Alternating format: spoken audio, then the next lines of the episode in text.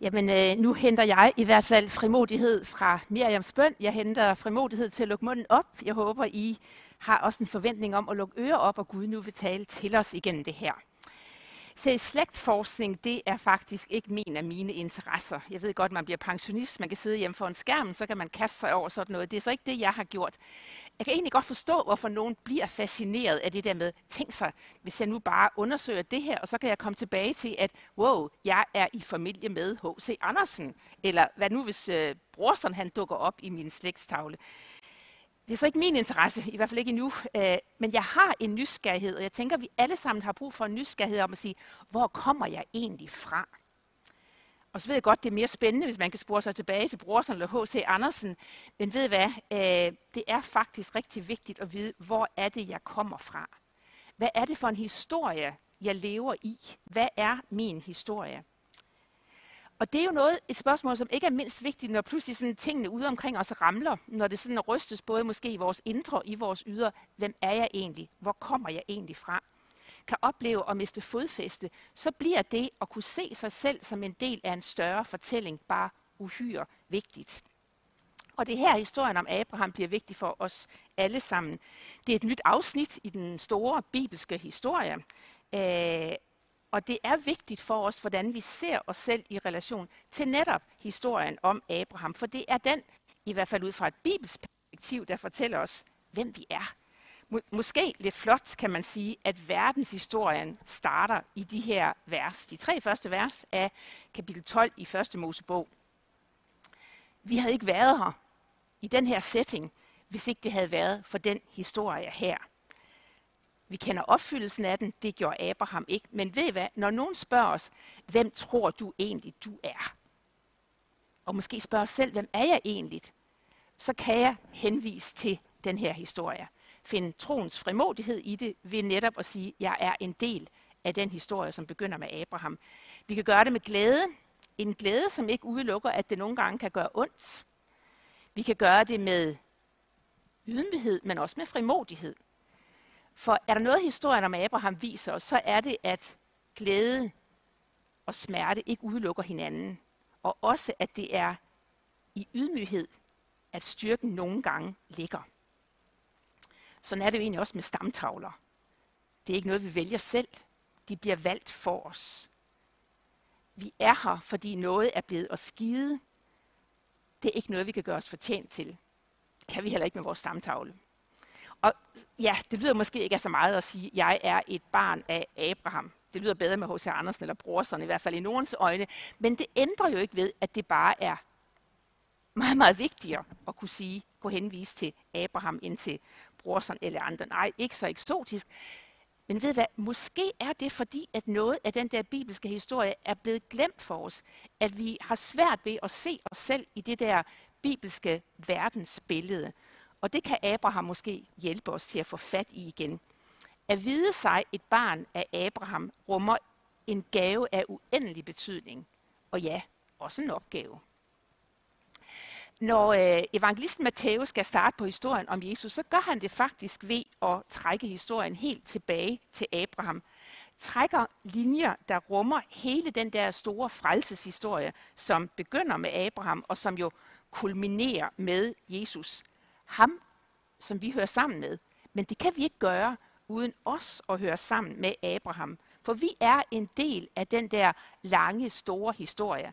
Når Hebræerbrevet skal starte sit, øh, sin øh, hilsen eller sit øh, budskab, så gør den faktisk det på den her måde.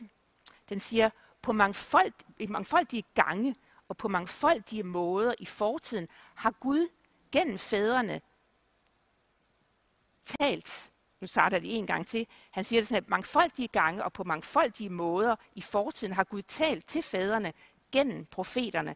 Men nu ved dagens ende talt til os gennem sin søn. Nogle gange så tænker vi på historien om Abraham, sådan en historie, jamen det er jo Israels historie. Israels Gud, det er Abraham, Isaks og Jakobs Gud. Men ved I hvad?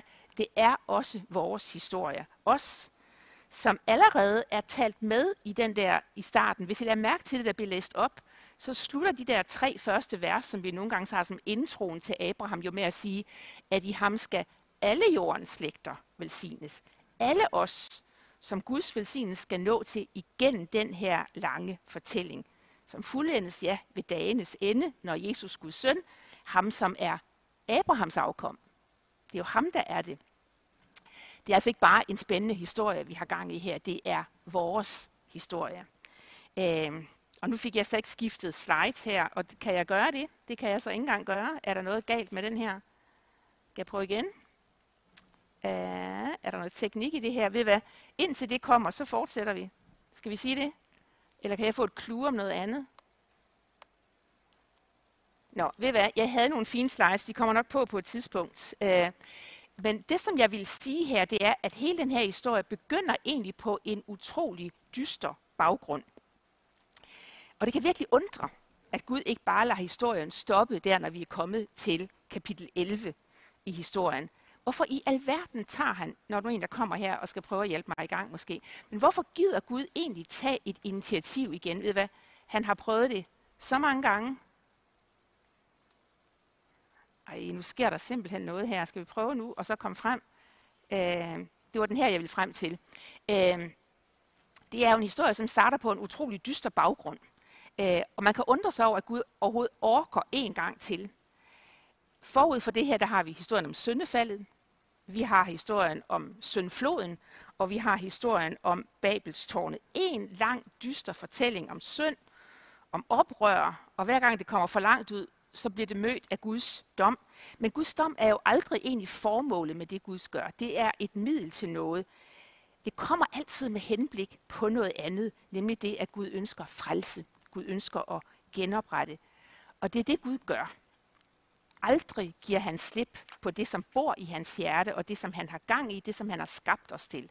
Så når Matthæus introducerer Jesus som netop en efterkommer eller efterkommeren af David, så siger han, at det er for at den velsignelse, som nåede til Abraham, skal fuldendes opfyldes i Kristus. Det er det, der er målet for det, som Gud gør. Det er det altid.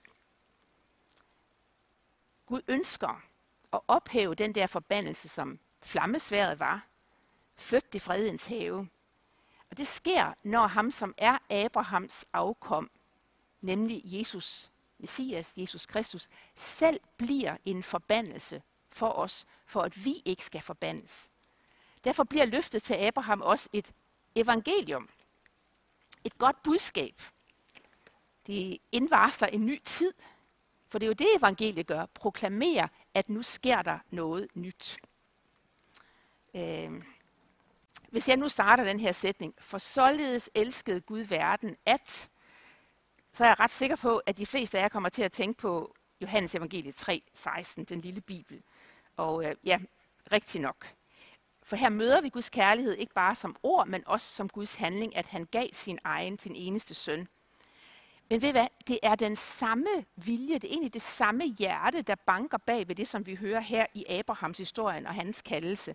Vi kunne faktisk også sige, for således elskede Gud verden, at han kaldte Abraham, velsignede ham, for igennem ham at velsigne alle jordens slægter. Det er jo det, der er på spil i den her historie. Således elskede Gud verden, at han ikke lod historien stoppe med hverken syndefaldet, syndfloden eller Babel. Han ikke lod den stanse med ødelæggelse. Nej, forbandelsen, Guds dom, blev fuldt op af Guds velsignelse, og det gjorde den, da han kaldte på Abraham. Kaldte på ham, kaldte ham ud, gav ham et løfte om at ville velsigne ham. Ja, ikke bare ham, nemlig os, alle jordens slægter. Det er dem, vi hører med til, en del af Abrahams familie. Det er her vores slægtshistorie begynder. Så når nogen spørger dig, hvem tror du egentlig du er, så fortæl dem den her historie og sig, for således elskede Gud verden.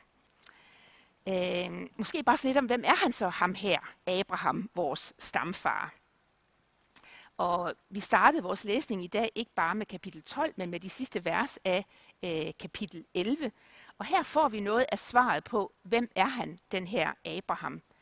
For her ser vi det utrolige. Tænk sig, at Gud begynder med en afgudstyrker. Det var det, man gjorde i Ur i Kaldæa. Man dyrkede solen og månen. Han starter med en gammel mand, 75 år. Han starter med en, som er gift med en kone, som det eneste, vi ved om Sara, det er, at hun er ufrugtbar. Det ligner en fiasko, det her. Men sådan er Gud også. Han skaber ud af ingenting. Det gjorde han, da han skabte jorden, det skabte verden. Og sådan fortsætter han med at skabe ud af ingenting. Ud af det, som ingenting er, skaber Gud sig et folk. Han gjorde det langt senere, da han kaldte sit folk ud af Ægypten fra faraos slaveri. Det er fordi Gud handler ikke efter, hvad han ser hos os. Gud handler efter, hvad der bor i hans eget hjerte. Han gør det ud fra sit hjerte, for sit navns skyld, for således elskede Gud verden. I øvrigt ved vi om Abraham, at han faktisk var ganske rig. Øh, arkeologien fortæller os, at Ur i Kaldæa på ingen måde var et dårligt sted at bo, hvis dårligt eller godt er lige med det at have mange penge, eller en god økonomi. Så altså, Abraham var ikke nogen stakkel. Øh, det er det, de sidste vers i kapitel 11 forsikrer os om. Og det er måske egentlig ret vigtigt for at forstå, hvad det er, Abraham gør, og hvad det er, hvad det er for et skridt, han tager. Der er faktisk noget på spil for Abraham. Han skulle forlade sin familie, han skulle forlade sit land, det han kendte, det han følte sig tryg i. Og så fik han et løfte, og så gik han i lydighed, i tro, i tillid. Ikke at det altid var lige let, men bare for at forstå det, Abraham blev altså ikke opgraderet. Det var ikke det, der er tale om her. Nej, han blev kaldt ud. Han blev kaldt ud fra det, han kendte, det trygge, det, det gode, ja, til noget nyt. Men det nye er jo også nogle gange det ukendte, og dermed det usikre. Og ret hurtigt skulle han, den gode Abraham, vores samfar, lære, at øh, velsignelse, det er ikke det samme som medvind på cykelstien. Det han bestillede i udsigt, nemlig at hans familie skulle bestå, han skulle få et land og alt det, det var noget, han aldrig kom til at opleve om andet som et løfte og et håb, han så frem til. Så Gud løftede altså ikke Abraham op. Han sagde, følg mig. Og Abraham svarede med et hineni, her er jeg, send mig. Det var ikke en forfremmelse, Abraham takkede ja til. Det er ikke så svært, hvis chefen kalder os ind på kontoret, og det er en forfremmelse, vi skal have, altså at takke ja og sige, hineni, her er jeg. Men det er altså ikke det, Gud kalder hverken Abraham til, eller måske andre, i hvert fald målt med vores målestok. For se, Abraham havde jo allerede en familie, og den måtte han nu tage afsked med. Han havde jo egentlig allerede et land, nemlig Ur i Kaldæa. Og sådan er det egentlig fortsat at være en del af Abrahams familie. Gud kalder os ud. Der er noget, vi må give slip på, for at kunne blive en del af noget andet. For at Abraham kunne blive et redskab i Guds hånd, så måtte han, og Gud kunne bruge ham, så var der altså noget, han måtte lade ligge. Noget, han måtte give slip på. Noget af det, som var med til at definere, hvem han var. Hans familie, hans kultur, hans sprog, hans religion, hans øh, stilling i samfundet. En tid går han sammen med Lot, en slægtning, men så må han også tage afsked med ham. Og han fortsætter i tro med et løfte om, at Gud vil give ham en anden familie, et andet land. Hvad han ikke vidste, da den her vandring den begyndte, det var, at det skulle han aldrig rigtig få at se. Det var noget, som Gud sagde, bare vent, det skal nok komme. Det blev aldrig til noget. Han vedblev at være hele sit liv, sådan som 5. Mosebog siger det, en omflakkende arméer. Han forblev en pilgrim. Han forblev en fremmed. En, som egentlig, kan man sige, levede i eksil. I de vers, som vi læser, når vi læser videre i, uh, i kapitel 12 i første Mosebog, så ser vi, så kommer han til Betel. Der slår han så sit telt op. Men så kommer han videre, og så rejser han videre til Sydland, hvor han bygger et alter, telt og alter osv. Og næste gang vi møder ham, vi er kun kommet uh, lige ud af kapitel uh, vers 9, som vi har læst, så finder vi ham på vej til Ægypten hvad siger det egentlig om vores identitet? Hvad er det, der definerer os, bestemmer, hvem vi er? Os, som gennem tro på Kristus er blevet en del af Abrahams familie. Hvad er det for en historie, vi lever i? Hvad er det, der definerer os? Og hvad er det for et land, vi er borgere i? Gud ville gennem Abraham velsigne alle jordens slægter. Det var, og det er stadigvæk det, som Gud han har gang i. Og det er stadigvæk til at grunden, grunden til, at Gud har sig et folk, at vi er her. Det er folk, som vores tro på Jesus kalder os ud til at være en del af. Og det er stadigvæk det, som Gud han har gang i, det som er målet for hans velsignelse, nemlig at overvinde forbandelsen, genoprette det ødelagte og hele det, som er gået i stykker. Se, øh, Abraham han får så jo en ny familie. Han skulle forlade sin slægt, sin fars hus. Egentlig er der noget radikalt i det, som Gud beder Abraham om at gøre. Det minder mig rigtig meget om de ord, som Jesus siger, da hans familie kommer til ham i Kapernaum fra Nazareth og siger, skulle du ikke lige tage at komme hjem? Din mor og dine brødre står herude. Og så siger Jesus sådan her, se, her er mine brødre og søstre. Og så peger han på dem, som følger ham. Og siger, det er dem, der er min familie. Som kristne, så definerer vores familieskab egentlig ud fra vores forhold til Jesus. Det er vores familie. Dem vi deler tro med. Det var slet ikke let for de første kristne, og her er vi tilbage i, uh, i apostlenes gerninger, da det som egentlig begyndte som sådan en, et jødisk fænomen, en jødisk familie, da de pludselig skulle lukke op og give plads for nogen, som var ikke jøder, hedninger, græker, hvad vi nu kalder dem. De havde en anden kultur, de havde nogle andre spisevaner, de talte et andet sprog.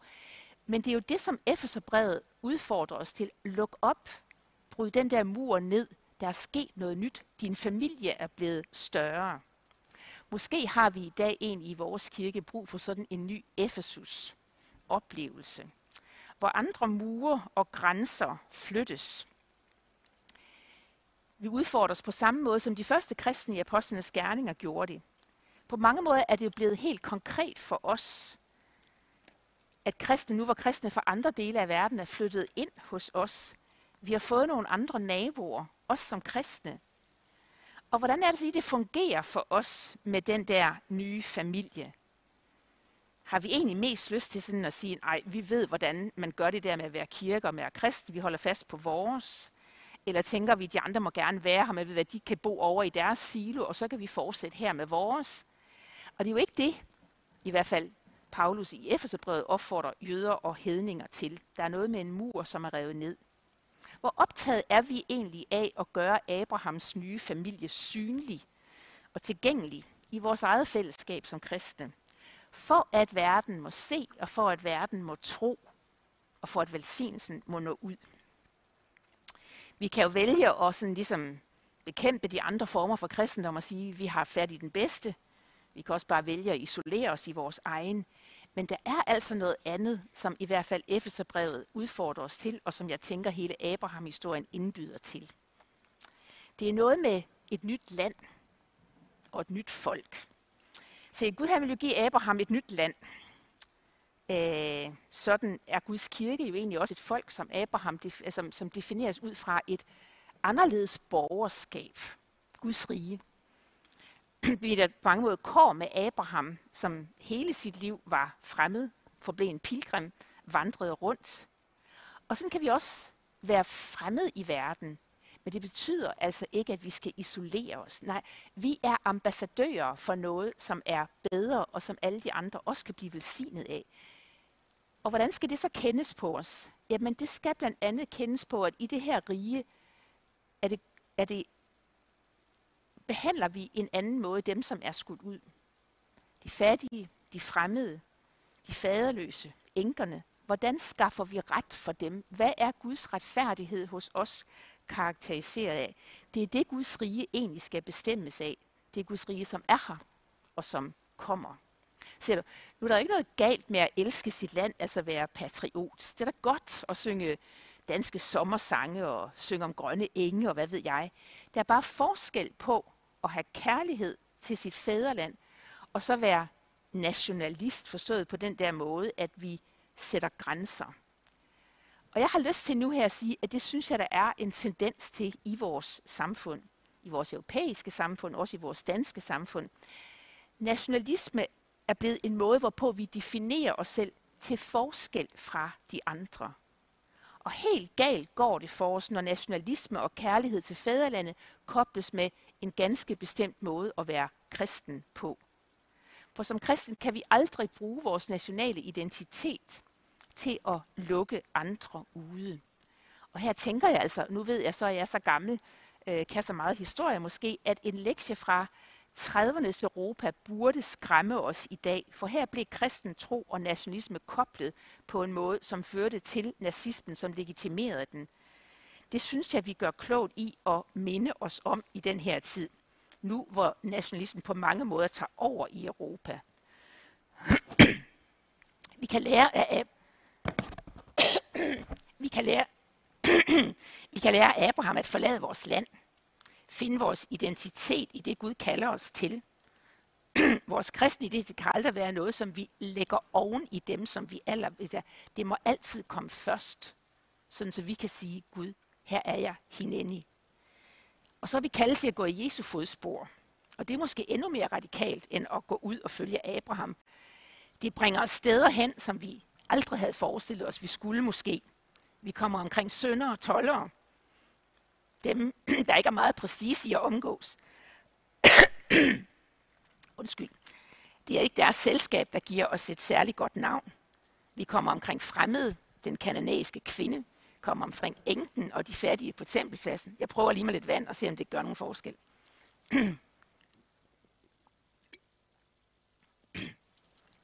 I selskab med Jesus kommer vi ud til kanten af samfundet.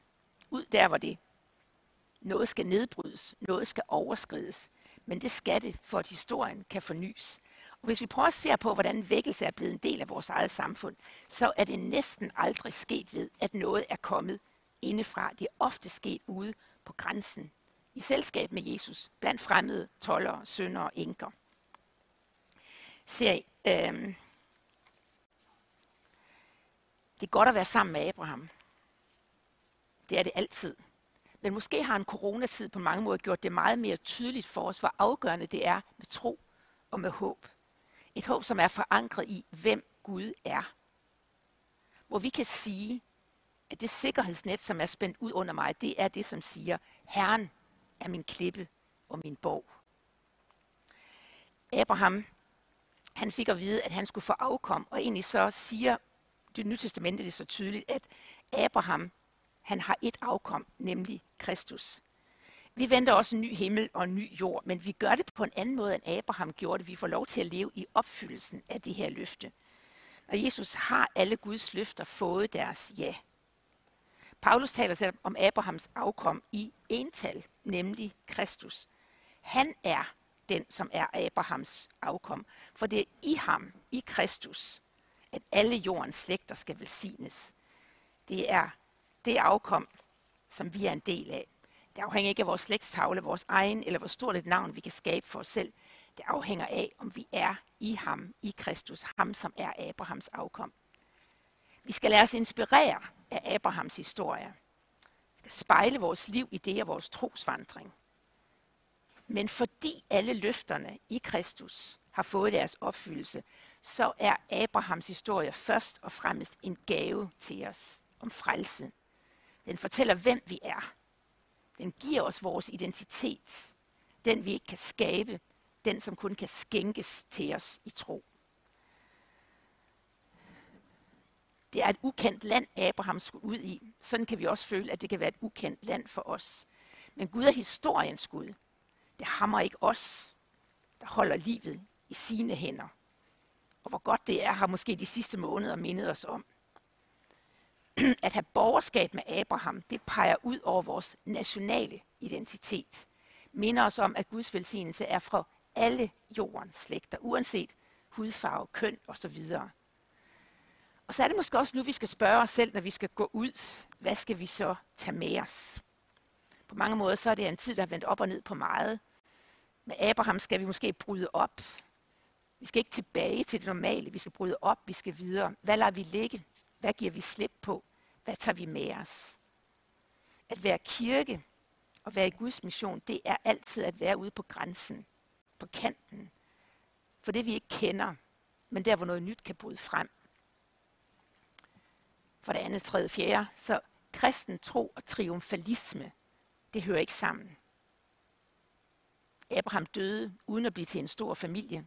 Det eneste land, han ejede, var den grav, hvor Sara og han selv senere blev begravet tro og triumfalisme, nej, men tro og tålmodighed, det hænger sammen. Tro, tålmodighed og ydmyghed. Og det gør det, fordi håbet er knyttet til Kristus, i hvem alle Guds løfter til Abraham har fået deres ja. Ved I hvad? Vi skal ikke tilbage til normale. Det bliver bedre, end vi havde ventet. Når vi spejler os i Abrahams historie, får vi øje på både gaven, men også opgaven. Historien fortæller os, hvem vi er. Hvem vi er for Kristus skyld, men også hvorfor vi så er her. Vi skal ud, vi skal ikke tilbage. Ikke tilbage til det gamle, men i tro og i tillid og med håb kan vi vandre ud, inspireret af Abraham og i tillid til ham, som er Abrahams afkom. Lad os bede. Her tak, at du er en Gud, som giver håb, at du er en Gud, som holder ved dit ord, holder ved dine løfter. Tak, at vi får lov til at regne os som en del af dit folk med i din historie. Amen.